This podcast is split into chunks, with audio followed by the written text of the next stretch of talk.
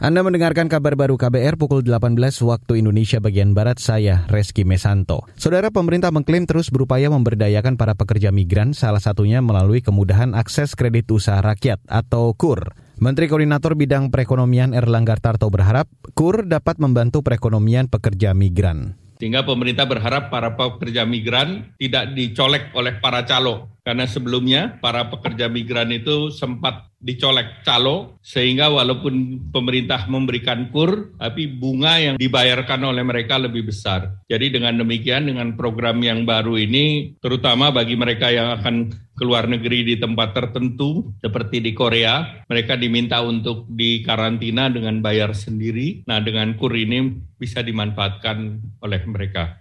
Menko Perekonomian Erlangga Tarto menambahkan, tahun ini pemerintah juga menaikkan plafon KUR sebesar 30 persen atau 370-an triliun rupiah. Tambahan anggaran ini termasuk dukungan pembiayaan bagi para pekerja migran. Beralih ke lantai bursa saudara, indeks harga saham gabungan atau IHSG ditutup menguat 7,31 poin ke level 7.078 pada akhir pekan ini. Sebanyak 213 saham naik, 299 saham turun, dan 173 saham stagnan. Total volume perdagangan saham di bursa hari ini mencapai 20 miliaran saham dengan nilai lebih 13 triliun.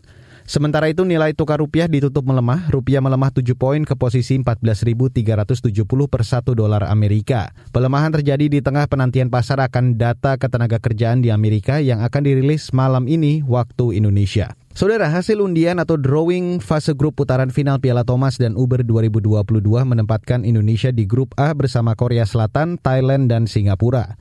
Sementara tim Uber Indonesia juga berada di grup A bersama Jepang, Prancis, dan Jerman. Tim Thomas dan Uber Indonesia minimal harus meraih peringkat kedua untuk lolos ke babak selanjutnya. Sebab tiap grup hanya akan diambil juara grup dan runner-up.